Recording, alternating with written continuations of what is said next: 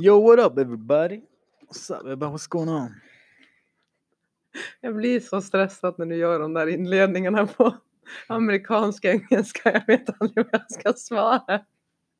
Jag känner mig så oerhört svensk när du gör sådär. Det känns som när någon försöker en fistbump och man skakar handen istället för att knocka den tillbaka. Ungefär så känner jag mig när du introducerar på det här sättet.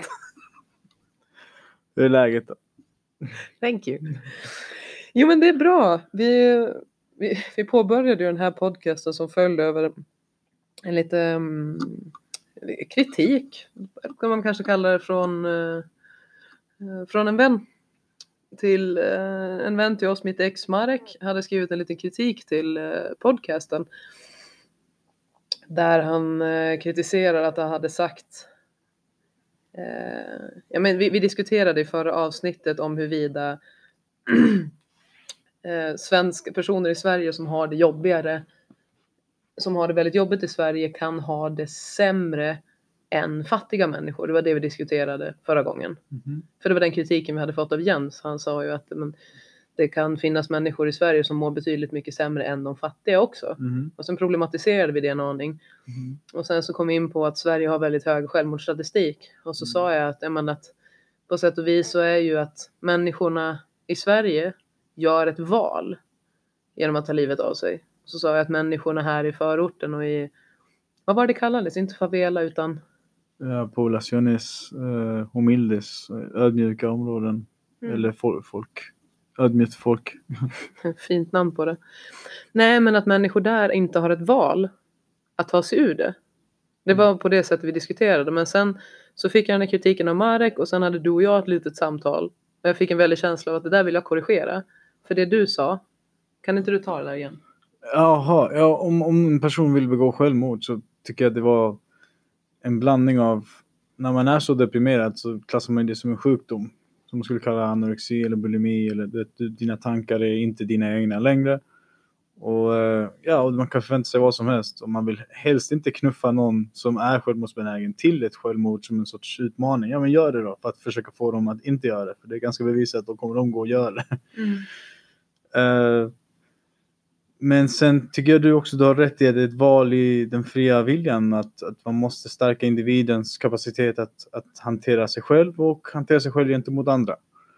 Och, och, i det att hantera sig själv så 90 procent av gångerna det som kommer ta dig loss ur en knivig situation som en depression är ditt eget driv att, att vilja gå vidare och bryta loss. Och det är en process, det är inte alls lätt. Det är därför man måste ju se det som en sjukdom, ge så mycket stöd som möjligt men också driva fram den här kapaciteten hos människan att, att ta tag i sina egna tyglar. Vi måste det av ren det vore bara osmart att inte göra det. Det är en hel untapped resource av att bara tro på sig själv. Lite som amerikanernas ideologi. Eh, inte vad jag... Jag tycker de gör rätt där i att man verkligen tror på att de har kapaciteten att göra vad som helst. Eh, man behöver inte kopiera flaggan, kulturen, gitarrsolot, de flygande stridsflygplanen, örnen. Men absolut det här drivet att, att, att, att ta människan till, till den bästa platsen möjligt. Ja. Yes, you know, the pursuit of happiness. Det är en pursuit. Det, det kommer inte självt. Ja, nej, men att man är sin egen lyckas med typ. Är det det du tänker? Mm. Ja, och det var där jag, nej men jag kände det var lite onyanserat. Det var lite onyanserat av mig förra gången för jag tänkte bara ur ett spår. Och det här är... Mm. Nej men det, det, det, det, vändes, det vändes i huvudet på mig när jag...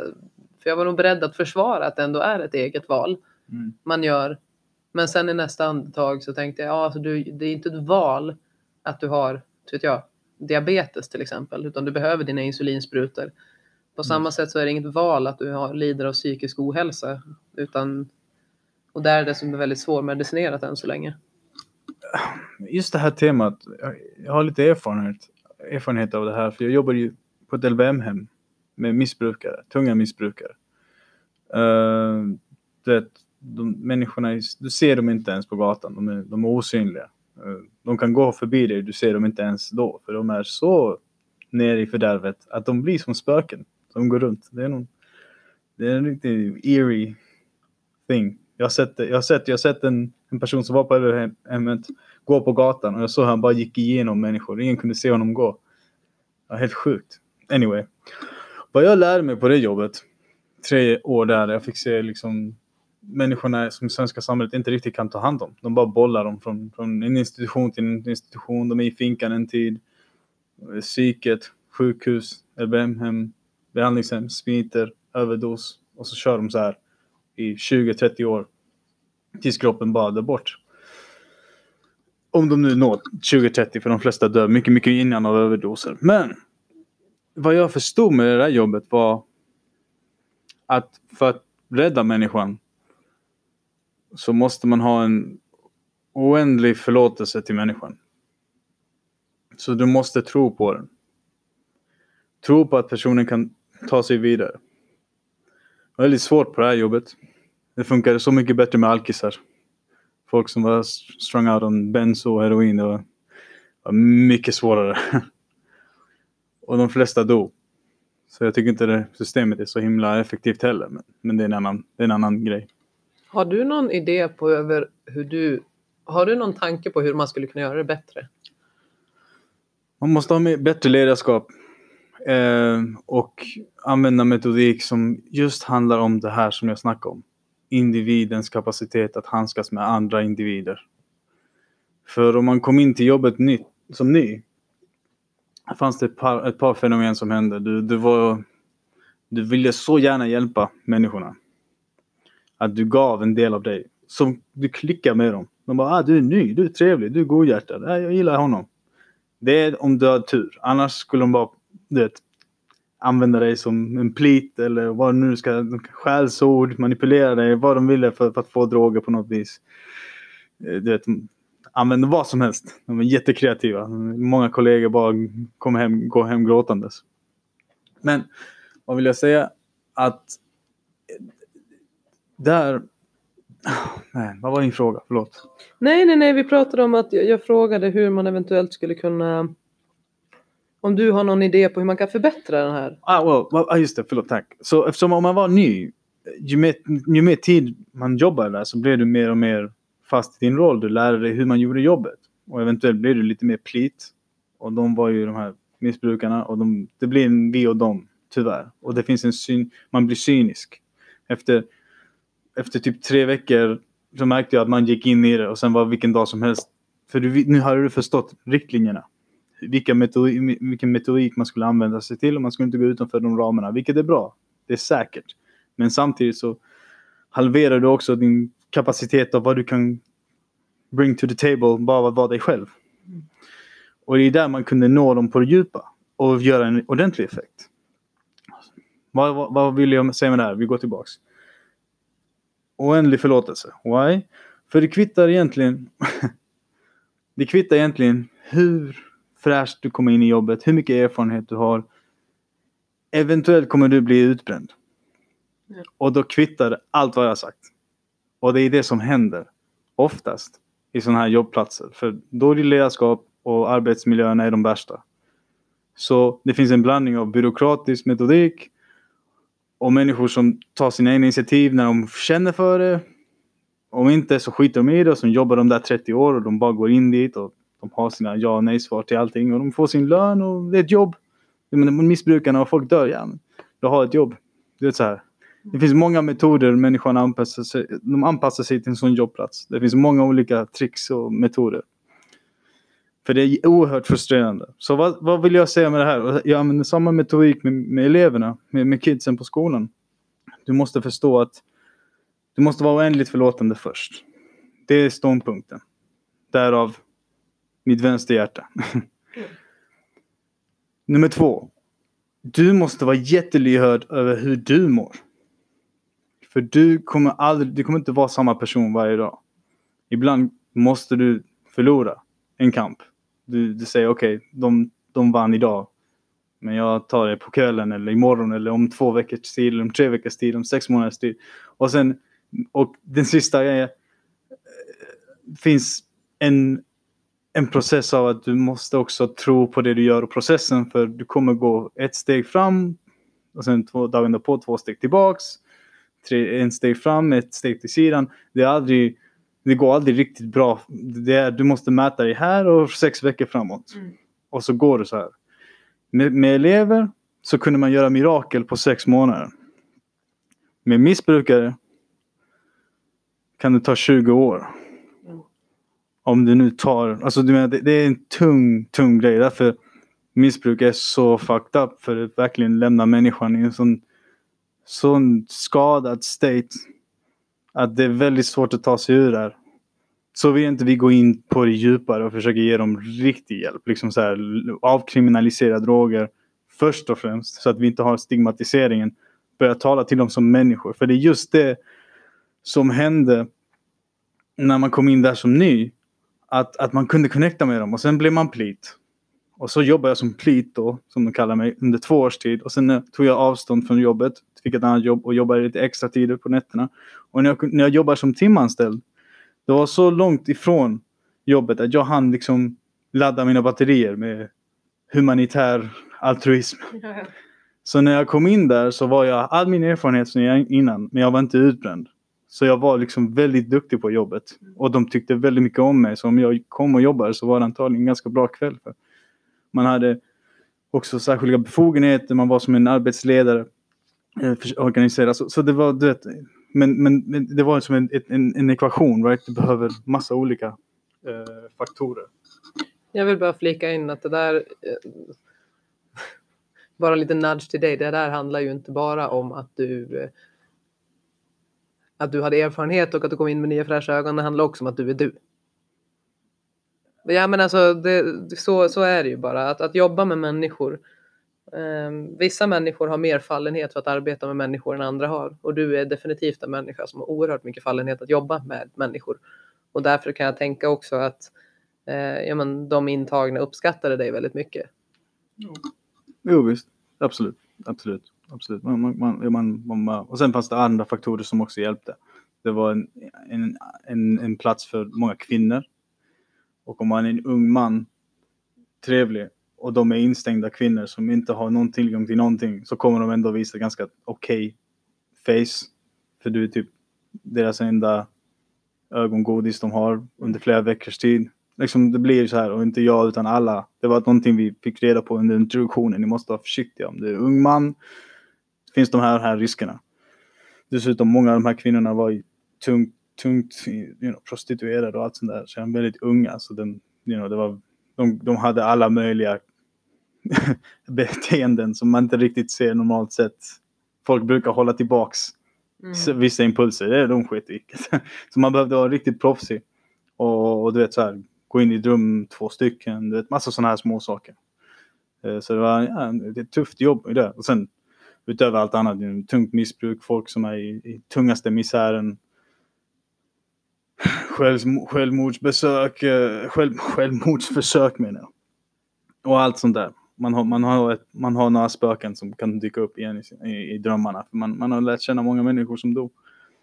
Och lär känna dem i att man pratar med dem flera timmar under flera veckors tid. För vi, det är det jobbet är. Man ska vara där, närvarande. Erbjuda en viss normalitet. Ja. Så att de kan få någon grund. Så de kan åtminstone börja tänka på någon, något normalt sätt. Men det där systemet inte är särskilt normalt eller, eller effektivt. För det är bara de tyngsta missbrukarna och kriminella tillsammans instängda, frustrerade, drogade. Många gånger de, de smugglar in grejer. Och man skulle vilja tro att vi ska vara där för att normalisera dem. Men det som händer är att eftersom vi jobbet där, vi är mer instängda än de är. Det är vårt jobb, vi går dit. Och långa pass också, 13 och en halv timme. Det som händer är att deras onormalitet och galenskap blir vår normalitet. Så att få höra historier om att någon hade begått självmord och hennes pojkvän jagar henne för att han vill mörda henne. Och det, det är en massa Hells Angels stories. Och det blir bara som vardagsgrej. Ett självmordsförsök. En tjej försökte strypa sig i toaletten. Vi måste bryta loss och skära loss remmen och sen separera allihop för det blir massa kalabalik och in i isolering med den där personen. Och, och eh, ja, det blir en tisdag. Det är, det är därför det är så viktigt att hålla en viss avstånd från sådana arbeten. Och jag tror det är inte bara det. Jag tror ambulans, sjukhus, alla som har att göra med tungt misär, polis. jag tror det är viktigt att ta viss distans då och då så man får viss återhämta sig och, och, och få en viss normalitet och komma ihåg vem man var, komma ihåg hur man är uppväxt, eh, vilket, du vet, allt de, alltså vad som helst som kan ge en viss normalitet, en viss eh, sund syn på livet. För eh, på sådana arbetsplatser, det, allting, blir, allting blir förgiftat. Jag tycker det är så sjukt intressant att höra dig prata om det här, för du har verkligen erfarenhet av en kategori människor som du säger som inte existerar. Mm. Jag tycker också, det, det slog mig när du pratade om ja, men hur man skulle kunna på ett bättre sätt behandla de här personerna. Att man ja, men, har en oändlig förlåtelse. Och det där, jag tänkte på det där, det där genomsyrar ju precis allt enligt hela typ min livsfilosofi. Ha en oändlig förlåtelse för allt och för vad du än har råkat ut för, för allt det här, ha bara en oändlig förlåtelse.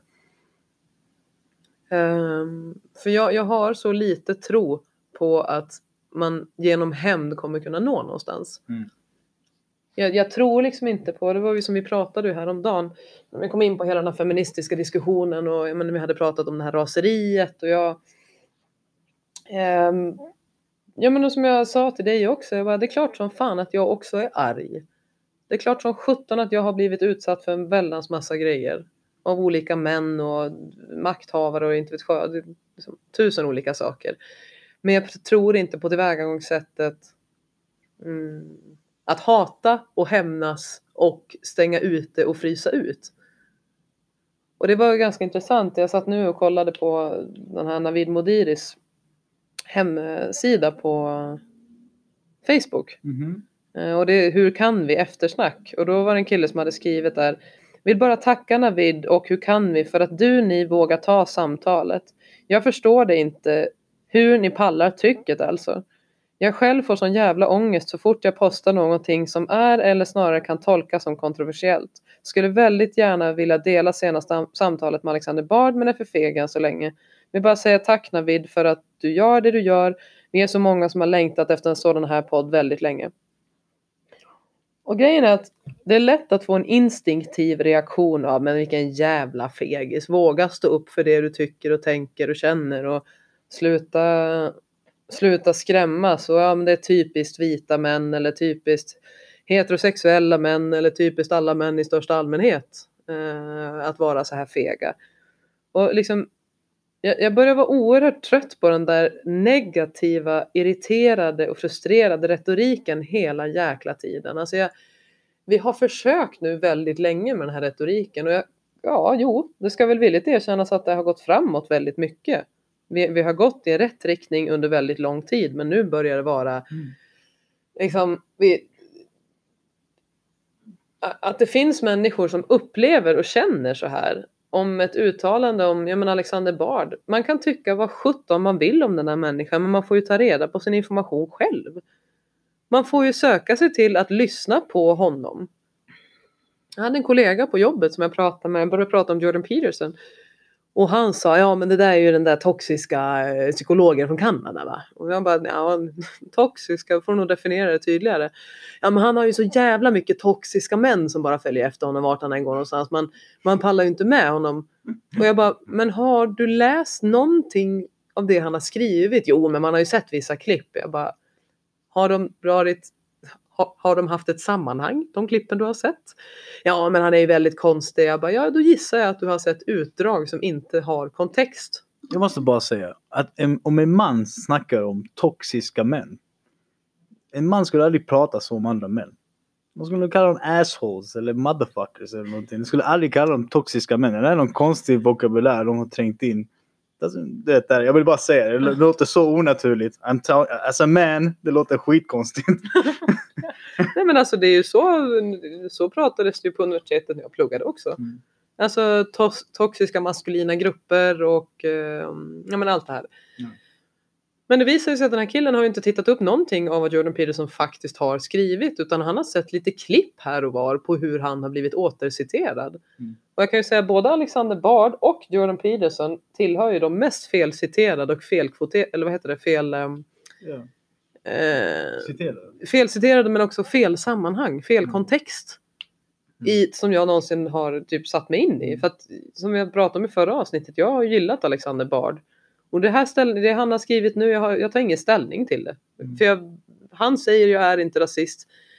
Han citerar Martin Luther King i sin tweet. Eh, jag tycker att det är en klok människa värd att lyssna på. Och det har jag alltid tyckt, med grejen att man måste ju gå bakom hans retorik för att förstå den och det kan man väl ha kritik emot. Men man kan inte gå ut och bara hata utan att ha, man kan inte ha åsikt utan insikt. Exakt. Och, och som, som, skön- som tumregel tycker jag att, att när, när med gruppen människor går runt tillsammans i en stor skala och med en viss idé och alla bara följer en viss idé utan ifrågasätta någonting. Det tycker jag alltid är väldigt farligt.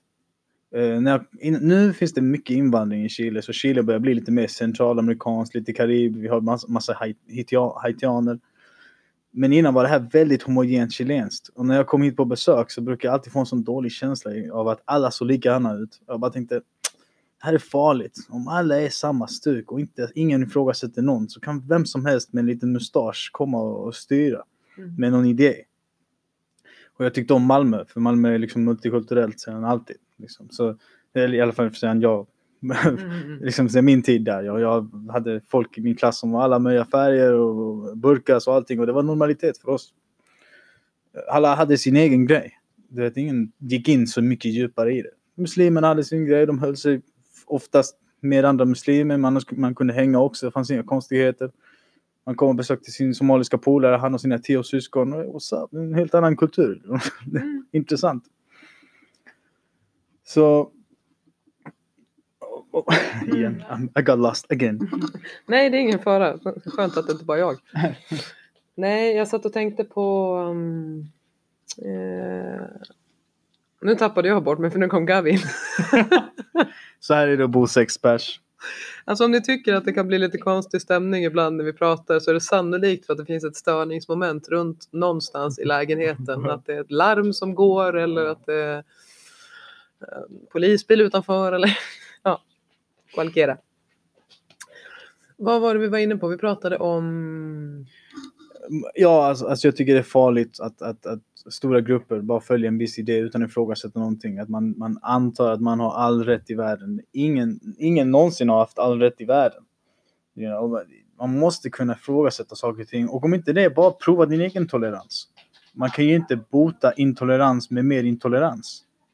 Man måste ju någon gång, någon måste ju ge vika. Om du vill vara den större i rummet och ha mest bärighet och proklamera de tyngsta värderingarna.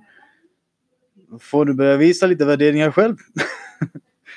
Ja, men och det, det, det är det här som jag också tycker är ganska intressant med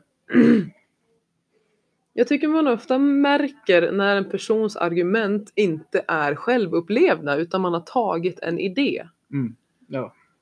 Och det är det där som jag tycker är så jäkla farligt och det där är du lite grann inne på nu med Chile, liksom att det är skönt att det har kommit andra för att det är så lätt att man bara man, man bara snurrar på. Man, Mm. man köper en idé och i det här fallet råkar det ju vara ett typ Pinochets regering Ja. som har bara gått ner i arv och den har man bara accepterat för att det var, det var lag Mm. på det mer eller mindre, diktatur. Mm. Mm. Och det är ju ofta när man börjar få andra influenser och liksom så att man börjar kunna få perspektiv på det. Men om man bara köper en idé rakt av och det är det här jag tycker är så farligt också med många faktiskt unga idag när man pratar om feminism eller på skolor så märker man att det kommer jättemycket eh, liksom, argument som om man bara ifrågasätter det på ytan så tappar de helt tråden för de har bara hört det där i någon debatt eller diskussion och jag, jag skräms lite över det där och nu alla 15-åringar tror ju att de kan vet mest och liksom det tillhör ju åldern. Jo, jag tycker det är lite gulligt. Jag, och jag brukar vara tyst när jag hör dem för jag bara tycker nej, det är en hobby. Det, det, de proklamerar fina saker. Hellre det än att de går runt och mobbar människor eller håller på med annat strunt. Nej men jag tycker också att alltså, all, all passion Mm. All passion är bra passion höll jag på att säga. Det, det finns gränser på det. Nej men alltså väldigt ofta när människor har genuina intressen ehm, så de brukar ofta vara väldigt värda att lyssna på. Och om man har en brinnande 15-åring som pratar om miljön och sätter sig och skolstrejkar utanför regeringshuset så kan det vara värt att faktiskt lyssna på den här personen. Eh, och vi kom in på det här för att vi har suttit och lyssnat på hennes, halva hennes sommarprat. Greta Thunberg. Precis. The OG. Som för övrigt finns eh, tatuerad på väggen höll jag på att säga. Det heter det inte. I tunneln, Los Ja. Leones, vad heter det? En uppställning. Alltså det finns en, en exposé av olika svenska kulturella, alltså svenska, ja en svensk gång som har dekorerat med massa svenska saker här i Santiago. Mm. Jättefint. Vill du berätta lite om den? Förlåt, jag måste kicka. Nej, jag tror att vi har pratat om den tidigare. Men det är, en, det är en tunnel som är precis vid hållplatsen där vi bor. Som heter Svenska tunneln. Som bara har massa. Det är bilder på Astrid Lindgren och Dag Hammarskjöld och eh, Anna Lind, Olof Palme, Harald Edelstam, Greta Thunberg. Ja. Eh, nu kommer ju människor att hata mig. Men jag vill, jag vill bara säga så här. Jag vet vad han heter. Jag har bara en black spot nu. Vad heter den kända regissören i Sverige? Ingmar Bergman. Thank you. Jag vill bara informera att jag visste vem det var. Mario har börjat bli ganska less på. Jag har så dålig koll på filmer. It's all good baby, men fan du växte upp under en sten alltså. I don't know what the fuck happened there. Du är jättekulturiserad med massa grejer, men film, alltså hon bara igår, hon bara vad sa du? Nej. Marlon Brando? Var det så han hette? Och jag bara tittar på henne. Jo, jag tror så. Jag tror det var hans namn. Marlon Brando. Så jag tog det, jag tog på mig att visa henne Gudfadern. Så vi satt och kollade på den igår. och Bra film han. Ja, vi har kommit lite över hälften. Det är en riktigt, riktigt bra film. Och jag vill också informera om att på min göra innan jag dör-lista som jag skrev när jag var 15 så står det här med att jag ska ha sett Gudfadern. Så att när jag kommer hem till Sverige igen ska jag leta upp den där listan och stryka över den punkten.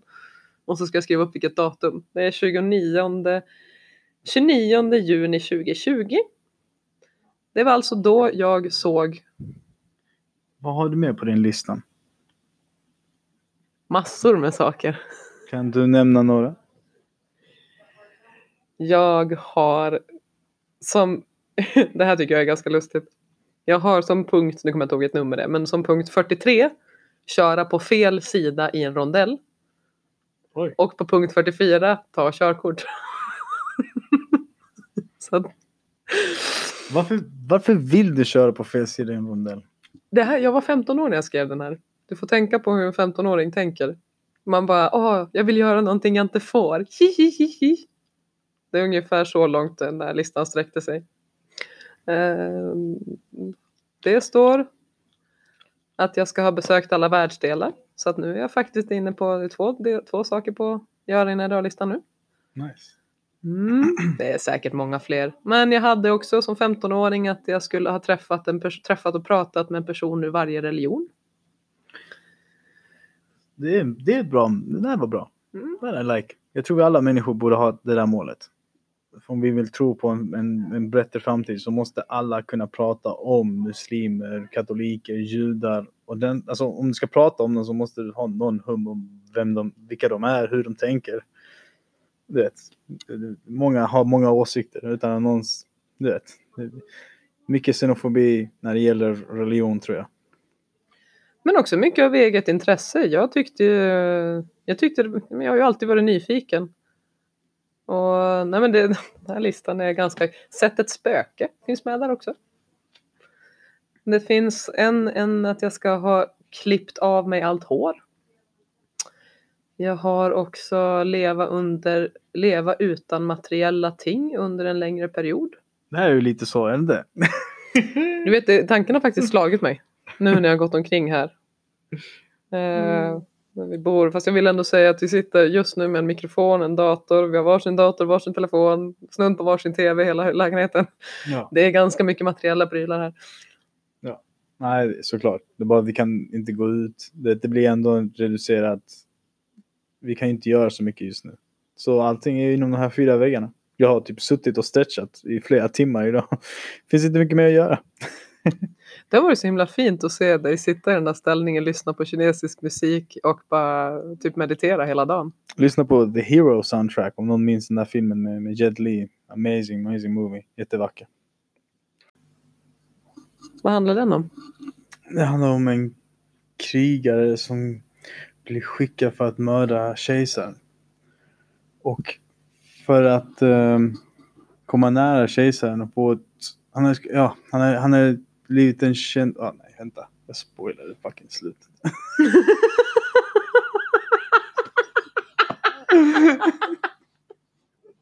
Oh no! Till lyssnarna här nu. Oh wow! Det är en liten försenad spoiler alert här. Ja men Malin, nu har du redan sagt det. vi Vad sa du? Ska vi stoppa det? Nej, varför då? Okej, fuck it. fuck it, den här filmen är ändå ganska gammal. Så Ja men har man inte sett det så ja, får man skylla sig själv. Exakt. Det är okej. Okej, så det är, en, det är en krigare som blir skickad för uh, han ska få sina, vad heter man, när man har tagit någon som hit, inte hittegods men uh, är efterlyst, right? som Bounty Hunter.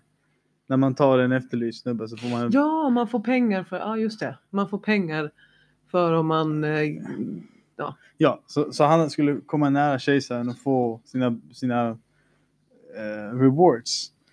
Och under tiden så, när han eh, kom, presenterar ett vapen från det här var den här krigaren så, så får han komma nära kejsaren, typ tio steg. Så får han sätta sig och ta te med kejsaren och prata och så börjar han berätta storyn om hur han har lyckats med de här bragderna. Och under filmens gång så börjar den berätta versioner av olika drabbningar. Så när han slogs mot den här snubben och slogs i den här situationen och kejsaren började lyssna på hans story fram och tillbaks. Och en väldigt vacker film, väldigt, väldigt kung fu, vackra färger, olika stories, fantastiskt skådespel. Jag, tycker, jag älskar den filmen, jag tycker den är väldigt häftig, väldigt vacker. så det du lyssnar på idag var ledmusiken till den här filmen. Yes. när jag mediterar. Yes, det var jätteskönt. För Det är en grej som jag tyckte var så himla häftigt att faktiskt vara med dig överhuvudtaget. Runt allt som har med träning att göra. att Du har ju en väldigt annorlunda filosofi. Du och jag kommer från väldigt olika skolor när det kommer, från, när det kommer till träning. Och eh, ja, men, eh, träning och fysisk aktivitet överhuvudtaget. Och att få vara med dig i det där rummet har varit häftigt. Och det, vi, vi pratade om det lite häromdagen för det är ju att i hela mitt liv så har jag ju alltid jag har spelat fotboll, handboll, tennis, pingis. Tennis, pingis var för sig ensam idrotten men det höll jag inte på med länge så att jag har ju alltid varit en lagidrottsperson. Och i lagidrott så mycket handlar ju om, alltså självklart för sin egen del men också att ge av sig själv till andra. Mm. Och det gör ju att när du alltid trän, när, när du tränar har ju du väldigt, väldigt sällan ett egoistiskt syfte med det. Right. Och därför blir det hela tiden förknippat med resultat och eh, prestation. Mm. Och jag tycker inte att det här är fel. Det här är det roligaste jag har gjort i hela mitt liv. Jag älskar att spela handboll. Eh, och jag älskar att tävla. Och det har varit min drivkraft hela livet. Och är fortfarande. Men det som är kul är att jag genom dig har börjat få ett litet substitut till det här tävlingsinriktade. Att du handlar väldigt mycket om bara för din egen skull. Yes. Först och främst i alla fall. Yes, yes. Sen väldigt ung. Jag var ofta ensam. Så jag fick underhålla mig själv med mina egna tankar och så vidare. Och en av sakerna jag började göra sen väldigt tidig ålder var bara att träna. Droppa till golvet och börja göra lite push-ups. Det var liksom en sysselsättning jag kunde sysselsätta mig med. Liksom. Um, se filmer och, och göra push-ups. Och i det så började jag eventuellt ja, göra mer och mer sporter. Och sen i skolan, när jag skulle gå från eh, sexan till sjuan så flyttade vi till ett an- så man åka buss till en annan stad, det här i Blekinge. Så jag bodde i Vilshult, skolan gick bara till sexan och sen sjuan till nian så tog vi en buss på morgonen till Olofström som var liksom 10 kilometer därifrån. Och, och där valde mina klasskamrater från Vilshult att de ville gå över till skolan som heter Högavångsskolan en idrottsklass. Så, vi all, så de, alla i min, å, mitt år valde en idrottsklass. Jag, och jag var inte en idrottare per se, men alla mina vänner gick in där så jag hoppade på. Så istället för två idrottslektioner hade man tre i veckan. Och, och så sysslade man med någon sport. Och sen bara byggde det på att man, ja, man blev lite mer atletiskt byggd. Och, men jag fortsatte alltid träna för mig själv. Så min, även om jag blev eh, atletisk och började ta träningen på mer och mer allvar så var alltid den där basen av att det här var en sån här grej jag gör för mig själv. Och det blir som en sorts meditation. Och sen kan man bara lägga på sen om man börjar tävla och kampsport. Jag tävlar ju nu. Och det, då får man lära sig andra aspekter. Det är sådana grejer som du har väldigt bra koll om. Tävlingspsykologi och hur man pushar sig själv. Och, alltså allt det där. Det där, är, det där är elden. Det är häftigt. När man ska prestera och folk tittar på en. Och man måste vara... Det är där the glory finns. Men min grej var alltid... Eftersom jag alltid var ganska skygg och blyg ändå. Så, så det passade bara, bara passa med min personlighet. Att, att träna ensam och tänka och, och så vidare. Och det är häftigt att kunna visa dig lite den världen för jag tycker det är väldigt hälsosamt. Det, det, det är verkligen bara att ta hand om ditt tempel. Du tränar, andas, det är du och din andning och dina tankar. Och jag tycker det är väldigt läkande. Plus, du upprätthåller kroppen. Så du borde ändå göra det. Tills du, ja, även när du är äldre. Ja, alltså det som jag tycker är coolast är ju när det kommer till... Eh, oj, ursäkta. Um, att du aldrig har några målsättningar innan träningen. Alltså det här tycker jag är så fascinerande. Ja, men du pratade ju om det vid några tillfällen. Du satte på en minut och nio sekunder. Mm. Vi skulle göra en övning och vi skulle göra en en minut i nio sekunder. Du vet, det gjorde ont i hela min... Jag var så här, det där är inte rimligt. Antingen en minut eller en och tio. Det är inte en och nio. Och det här inser väl jag att det här är väl jag lite liksom, överrepresentation av... Oj, förlåt. Nu låter det i micken här. Jag är ju väldigt pliktfast vid sådana där saker och det är väldigt många andra också. Men att sen jag kom hit och det inte finns några som helst alternativ. Det finns inte ens alternativ till gym eftersom att det har varit karantän nu i strikt karantän sju veckor och innan dess så var det um, tre veckor tre veckor där det inte var karantän i Providencia och innan dess mm. var det mm. två veckor strikt karantän. Så i två månader, lite drygt, har vi suttit i karantän. Jag har inte kunnat vara ute och springa. Jag har inte kunnat haft något gym. Jag har inte kunnat göra någonting mm. som har någonting med mitt tidigare idrotts och tränande liv att göra. Så jag har ju bara fått gå in i din värld och det har varit jäkligt häftigt. Mm. Ja men också med jujutsun att liksom att få ta del av den och det, jag ska inte säga att jag förstår, men att jag anar storheten i det. Mm. Alltså det, det, det är nog det jag mest har kommit fram till här när man har gått in i sin egen kropp. Att allt är prestationslöst, allt är bara för mig om vi kör intervaller. Det jag tycker är skitcoolt med det är att man ser dig köra tre minuter intervaller där du typ håller på att kräkas efteråt för det är så himla jobbigt. Mm. Och sen kör du tre minuter där du stretchar yeah. i din intervall. Och det är också sån här, vet, börja blinka med ögonen och nicka med huvudet. Jag har så, vadå, vi kör ju intervaller. Nej, men det bestämmer väl jag om jag gör eller inte. jag, jag är ju en annan person när jag mm. tränar. Jag har ju två personligheter, den ena som piskar och liksom nu ska du köra och den andra bara följer och lyder. Mm. Medan du är verkligen en person när du tränar. Du bara så här, det är ju jag som sätter klockan. Jo, men jag tycker det är något så himla sunt med det där. Uh, att bara du connectar med dig själv på något vis och du är faktiskt snäll mot dig själv. För eftersom att du har sån frihet i din träning, du, du låter dig själv vara kreativ och du pushar dig själv när du ska pusha dig själv och sen gör du en bra träning och efteråt så känner du dig väldigt uppfylld av lycka. Och och jag har alltid varit på det här temat för jag tycker att varenda människa borde ha någon sorts träningsrelation till sig själv. Och jag tycker den här är absolut en av de, av de sundare. Ja, men den är väldigt fin och sund. Det är väldigt mycket kroppskännedom, acceptans, sinnesfrid, närvaro.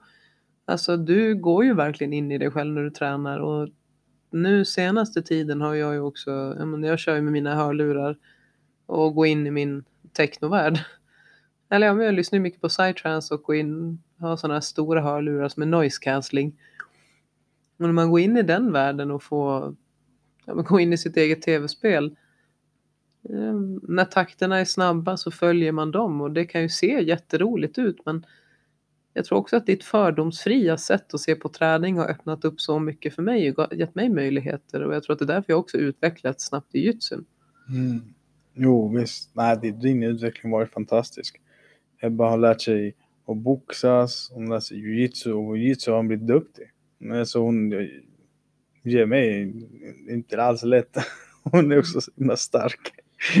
och, att, och explosiv och atletisk. Så med lite kunskap om tekniker och, och din handboll har ju också lärt dig att, att vara hård när du måste vara hård. Ja.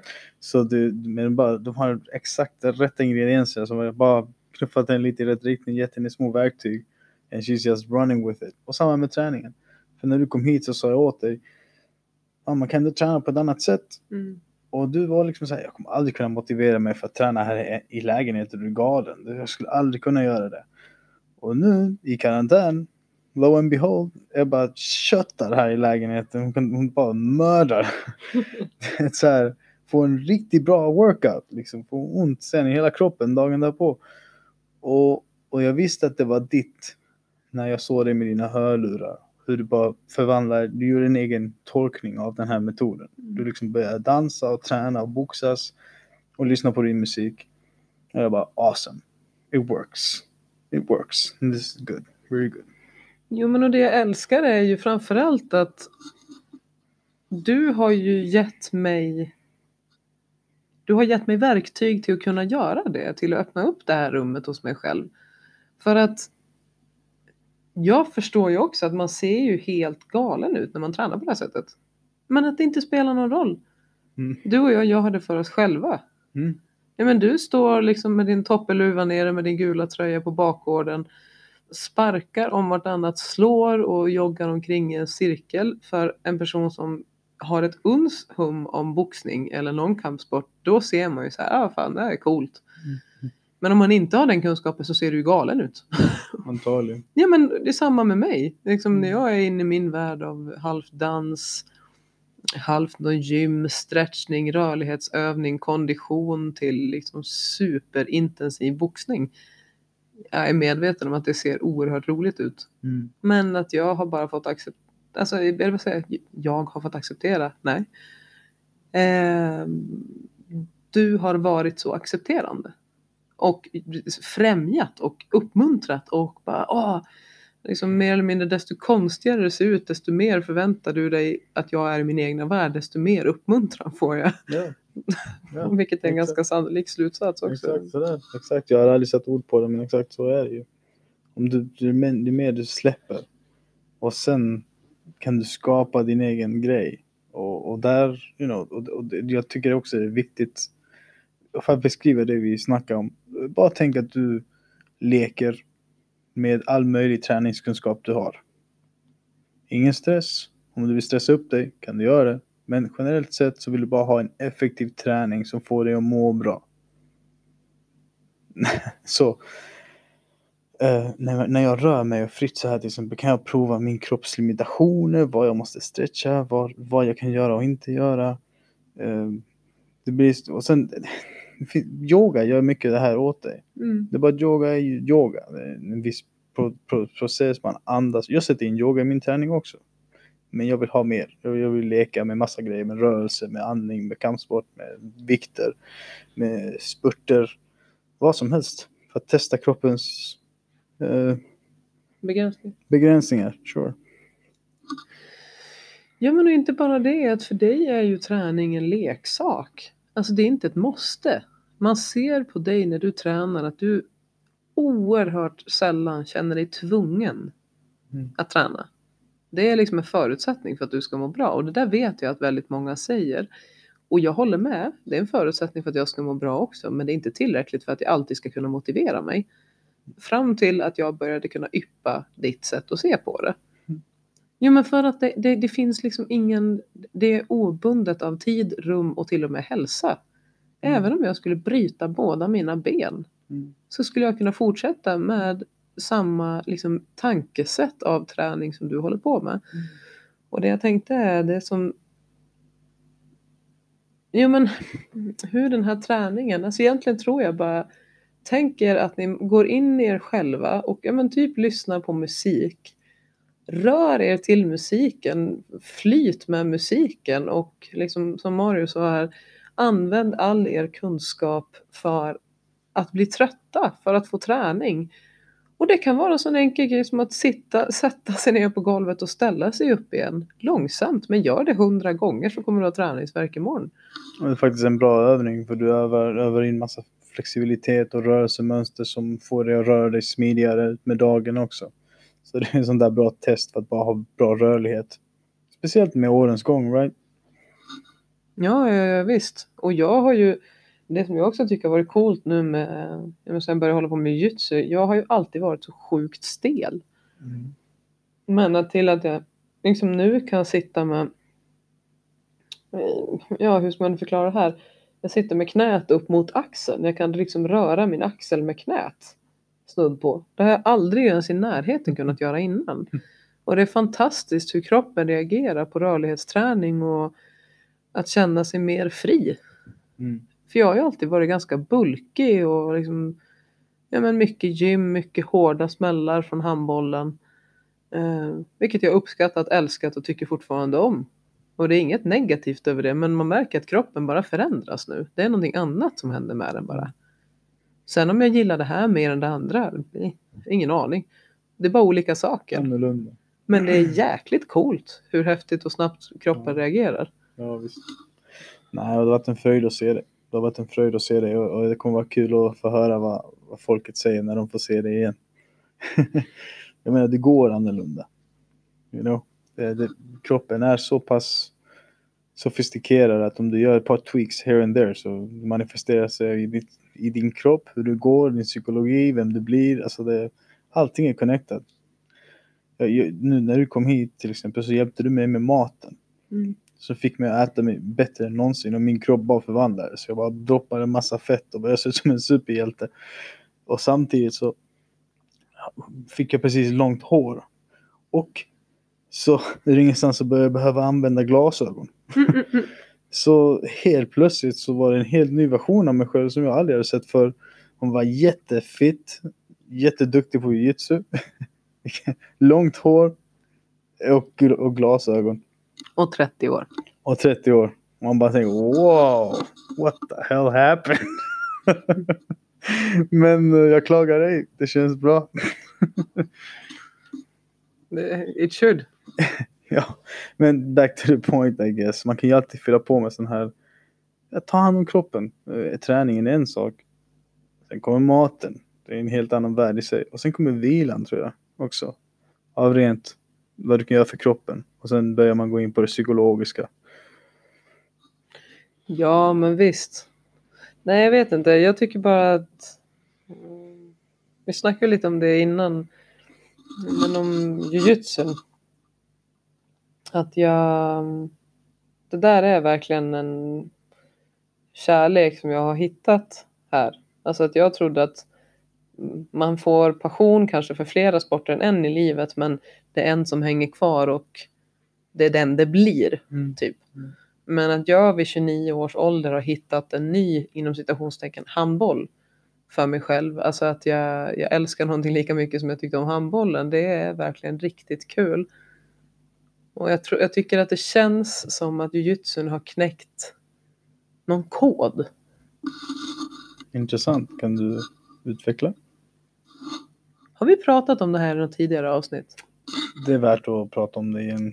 Dessutom det här är min passion så vi kan prata om det varje dag. As far as I'm concerned. I love this. Eh, han skojar inte när han säger det där. Han kan verkligen prata dygnet runt om det här. Men jag börjar mer och mer förstå varför. Nej, men att det jag tyckte har varit coolt med jujutsun har ju varit att den connectionen, alltså den... Åh, jag blir så irriterad när jag använder engelska uttryck nu. Jag försöker ju att använda svenska nu. Connection. Ge kopplingen? Tack. Eller- Den kopplingen du har i kroppen låter störtlöjligt. Jag vet, vinkeln eller... mm, Ah, den connectionen du får till kroppen när du kör jujutsu, alltså du är en, man, man känner att kroppen är sammanlänkad i form av att jag jag är så nära jag, jag är nära mina fötter, jag är nära mina knän jag är nära till jorden, jag är nära till marken liksom det, det är någonting jättedjupsinnigt som kickar igång för mig när jag håller på med den här rullningen ja men nu låter man väl helt liksom, Nej, nej, nej, go with it. Ja, men. Jag har tänkt på det här också med idrott att jag tror att en anledning till att man mår väldigt bra av idrott handlar om ja, men, frigörandet av ja, men, dopaminer, endorfiner och vad det nu är för någonting. Alla de här. Eh, sen själva aktiviteten i sig, att det kan vara trevligt och socialt umgänge och ja, men eventuellt oxytocin och så här. Men det är som att jujutsu når till en ny nivå där, i och med att det inte är några slag. Det är inga sparkar, utan att allting handlar bara om att kontrollera den andra personens leder alternativt strypa ut. Det är en Mm. ganska bra förklaring va? Mm, jo, absolut. absolut. Så det, är väldigt, se- det kan se väldigt lugnt och soft ut. Så till att det sen kan explodera och bli väldigt intensivt. Mm. Men det är just i det här lugnet, när man när bara två människor i hukad ställning möts Mm. Och möter varandras kroppar och det, det liksom blir något helt plötsligt något väldigt naturligt att du kan ha en person, liksom, du, du kan ha ens kind mot den andras kind och du har aldrig träffat människan innan. Mm. Och det, det upplevs som helt naturligt och normalt. Mm, svettigt. Och liksom väldigt, vad ska man säga? Ja, som du, du beskriver det. Ja, nej men och det, det är liksom Många säger ja men fan vad äckligt att ligga och krama någon svettig person på golvet. Och jag säger ja men då har man verkligen missat hela poängen. För att du reagerar inte på vem det är du har framför dig utan du är en människa med en annan människa. Och jag hade ju, det var faktiskt någon upplevelse jag hade med Alejandro som blev sådär väldigt, väldigt djup. Mm. Alejandro är ju svartbältare i jujutsu och han, han och Mario har varit fantastiska lärare och sensei till mig under tiden jag har hållit på med det här. De fyra månaderna är det väl nu? Mm. sånt där. Jo. Och jag och Alejandro hade en rullning där han tog ett strypgrepp på mig som jag skulle försvara mig ur. Men hur jag i det ögonblicket bara blundade. Och kände av strypningen. Och det här för människor som inte håller på med idrott så låter ju det här helt galet. Men lyssna verkligen på Skräms inte av det jag pratar om. Skräms inte, gud vad läskigt att bli strypt. Utan fundera på vad det innebär. Mm. Och framförallt på vad det innebär att kunna hantera det. Mm. Och jag kunde känna med Alejandro, jag låg där kind mot kind med honom. Han hade med ett strypgrepp och jag håller på att tappa andan och luften men jag bestämmer mig för men jag ska bara känna mig ur det här. Och sen börjar jag lirka med hans händer, lirka med hans armar, hinna känna rädslan, känna den där skräcken över att man blir strypt. Även om jag vet att det är kontrollerat, även om jag vet att det är lugnt, så är det som att självbevarelsedriften kickar igång vare sig du känner att det är behov av den eller inte. Och i den upplevelsen att ta sig ur det, att jag lyckades lirka bort hans arm och ta mig ur det här strypgreppet från en vuxen man och hade han velat så hade han klarat av att täppa ut mig men det är för att han är svartbälte i jujutsu. Men att, att känslan av att kunna lirka bort en vuxen man från din hals som utsätter dig för fara det är, det är en oerhörd empowerment-känsla. Alltså Mm. den, eh, det är nog det som rör mig mest med jujutsun tror jag. Ja, jo det är ju så. Jujutsun var gjord för att brasiliansk jujutsu var gjord för att en, en mindre person skulle kunna ha en chans mot en större person. Det skulle inte spela så stor roll de fysiska egenskaperna utan man skulle kunna överleva. Man kan man gå tight in på kroppen, reducera avståndet, få ner dem på marken och då har du basically en person mot en vägg och vindvikt och gravi, eh, gravitationen mot dem. Vilket har en helt annan grej än att stå upp och brottas med någon eller slåss och stå och boxas. När man är på golvet, om man inte riktigt vet vad man gör där på golvet så kan en jujutsu-utövare bara leka med dig. Kvitt om du är 130 kilo och jujutsu-utövaren är 50 kilo. det, det är bara så pass effektiv teknik. Eh, som nu håller på att bli mainstream. Det är väldigt, väldigt populärt idag men det här är en ganska ny grej. För bara Nej, alltså på 90 eller 2000, de som höll på med brasiliansk jiu-jitsu eller MMA, de var ju bad guys. De var ju typ alla kriminella, våldsamma människor. Det var en vettigt dålig reputation. Men nu är det en etablerad sport. And it's fantastic, speciellt för självförsvar. För just till exempel kvinnor. Eh, extremt effektivt. Eh, Du, du kan överleva vad som helst. Det är egentligen det jujutsun är till för. Du ska inte förlora. Du ska kunna överleva. Du ska kunna brottas med vem som helst till personen är så pass trött att de får helt enkelt bara ge sig. Och du kan nå någon sorts fred eller hålla dem tills de ringer polis eller whatever. Men Du ska... Det är så pass. Jo men det är ju super Det är ju superhäftigt att se Ja men som den här killen vi kollade på den dokumentären Yes. Och det har vi berättat om redan innan men det var en väldigt liten asiatisk kille som bokstavligt talat tog två berg i en fight bara för jujutsun och för mig känns det som att jag hittade ett lifehack till att vara eh, men i allting vi har pratat om med feminismen och så här att jag tror alltid att det har kunnat finnas en provokation inom mig att mannen har alltid sista ordet. Mm. Att om man ser liksom livet, om man ser en konflikt som en trappa Mm. så har du liksom, du står på samma trappsteg och sen så behöver du ta ett trappsteg upp. Antingen så följer den andra personen med dig, hoppar upp eller stannar kvar. Om den, stannar på, om den går till samma nivå då måste ett nytt avvägande göras. Liksom, ska vi kliva upp, ska vi gå ner eller ska vi stå på, på samma? Men grejen är att en konflikt som fortskrider då är det ju en person som hela tiden tar steget upp. Och antingen så följer man eller så kliver man upp över. Mm. Men på sista trappsteget när inte längre orden finns då kommer våldet. Mm. Och där vinner alltid mannen. Mm. Och det finns någon, och det här är full, jag- vet det här, jag vet att det är biologiskt, jag vet att det inte egentligen faktiskt går att göra någonting åt det här rent på ett fysiskt plan. Mentalt, utbildning, alla de här sakerna, jag vet att du är inne på det här men du förstår ju att jag menar det också. Jag, jag förstår det. Och, men på ett fysiskt plan kan vi inte göra någonting emot det. Och det har känts som en sån orättvisa och även om jag vet att det inte ska kännas som det, att det är biologi, så gör det det.